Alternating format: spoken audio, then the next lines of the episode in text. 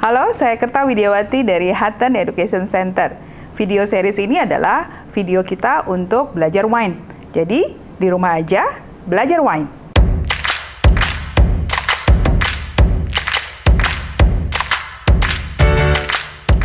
Kita akan belajar apa itu wine. Apa itu wine? Pasti banyak sekali yang terbersit di kepala teman-teman ketika pertanyaan itu muncul. Jawaban paling sederhana, wine adalah minuman. Betul ya? Dibuat dari anggur yang difermentasi. Jus anggur yang difermentasi. Kemudian, wine apa lagi ya? Hmm, alkohol konten. Alkohol kontennya antara 8 sampai 22 persen alkohol.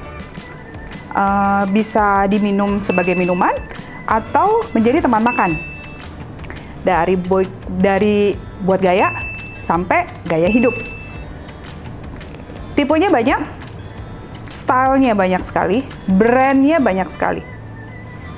Harganya mulai dari yang murah sampai yang mahal. Kenapa ya?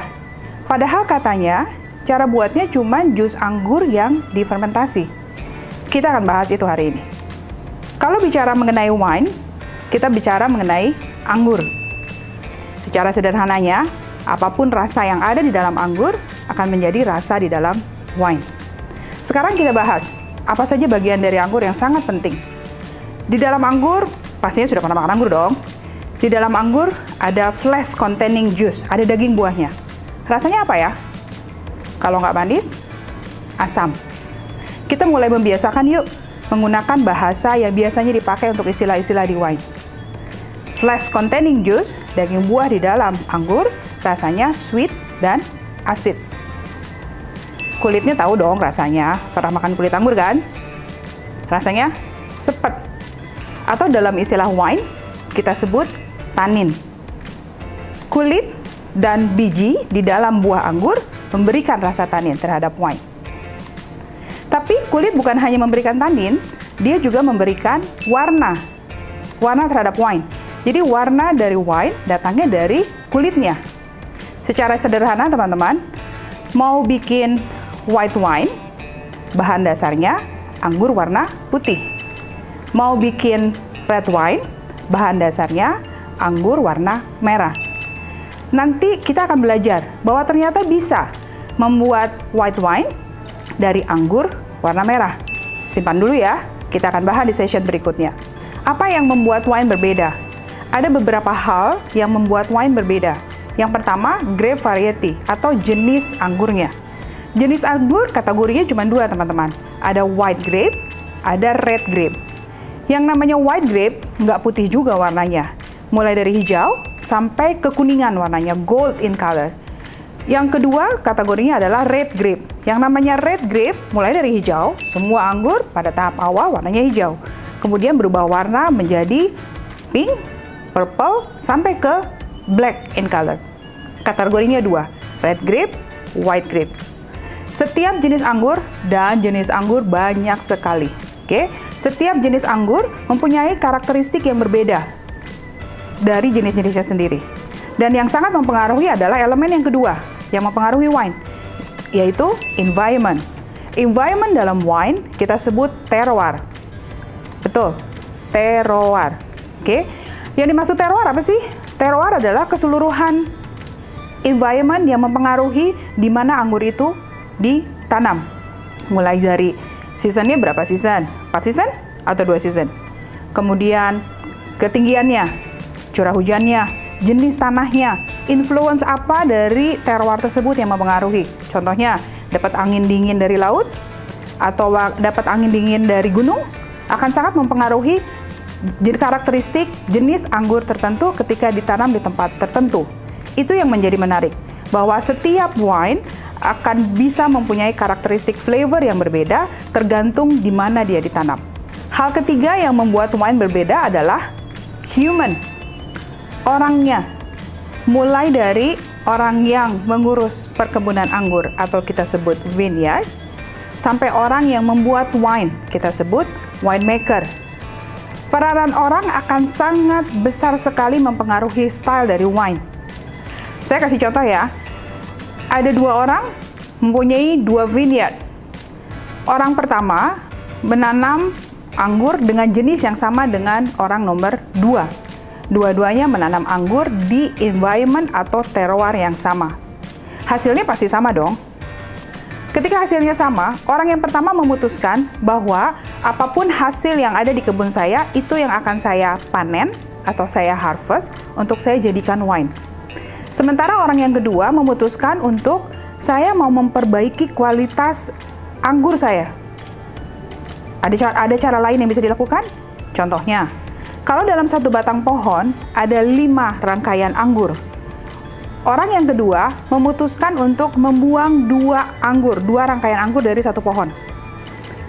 Kalau yang satu punya pohon anggurnya lima rangkaian, yang satu lagi hanya punya tiga rangkaian, bisa berbeda nggak sih kualitasnya? Pasti bisa ya. Ingat pelajaran zaman SD deh kayaknya. Fotosintesis. Bagaimana nutrisi akar batang daun akan mensupport ke buah. Dengan membuang dua rangkaian anggur dari satu batang pohon, kualitas anggur akan jauh lebih baik dengan catatan kuantitinya akan jauh lebih rendah. Oke, artinya apa? Orang yang pertama nggak perlu melakukan apa-apa, Orang yang kedua bekerja lebih keras karena dia harus potong dua rangkaian anggur dari setiap batang pohon yang ada di kebunnya. Dapat ya? Oke. So, dari ilustrasi itu, dari ilustrasi itu sudah terbayang bahwa uh, orang yang kedua mempunyai kualitas anggur yang mungkin jauh lebih baik dibandingkan yang pertama. Setelah itu, orang yang pertama memutuskan untuk membuat wine. Setelah harvest, dia buat wine. Dia mau membuat wine dalam enam bulan dia bisa jual. Mungkin nggak? Mungkin. Katanya tadi wine dibuat dari fermentasi jus anggur. Artinya, ketika fermentasinya sudah selesai, sudah jadi wine. Dalam enam bulan, orang yang pertama membuat wine dan menjualnya. Sementara orang yang kedua, dia melihat anggurnya mempunyai kualitas yang baik, mempunyai fondasi yang cukup baik untuk bisa aging lebih lama, diproses lebih lama. Orang yang kedua memutuskan untuk membuat wine tapi agingnya mau 2 tahun. Boleh ya? Boleh dong, orang vineyard, orang winery-nya dia. Dia putuskan untuk membuat dalam 2 tahun. Satu tahun di aging di standard still, satu tahun lagi di aging di oak barrel.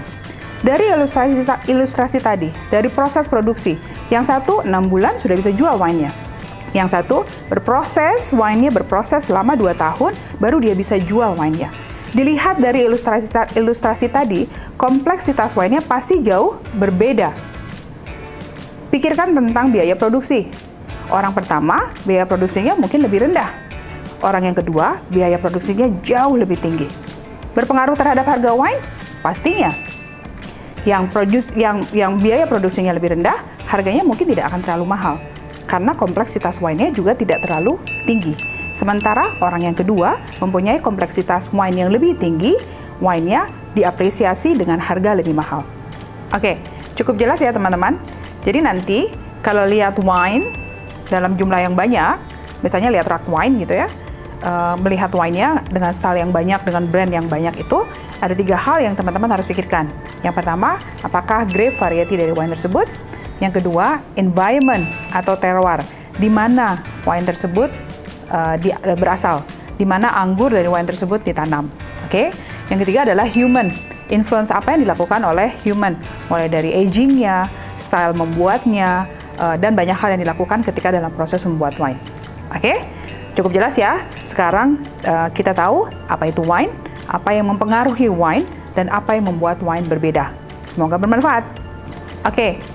jangan lupa ya teman-teman untuk subscribe dan like video ini, dan pastikan teman-teman follow uh, Instagram, Facebook dari Hatan Education Center untuk dapatkan series dari uh, video-video uh, edukasi kita. Di rumah aja, belajar wine.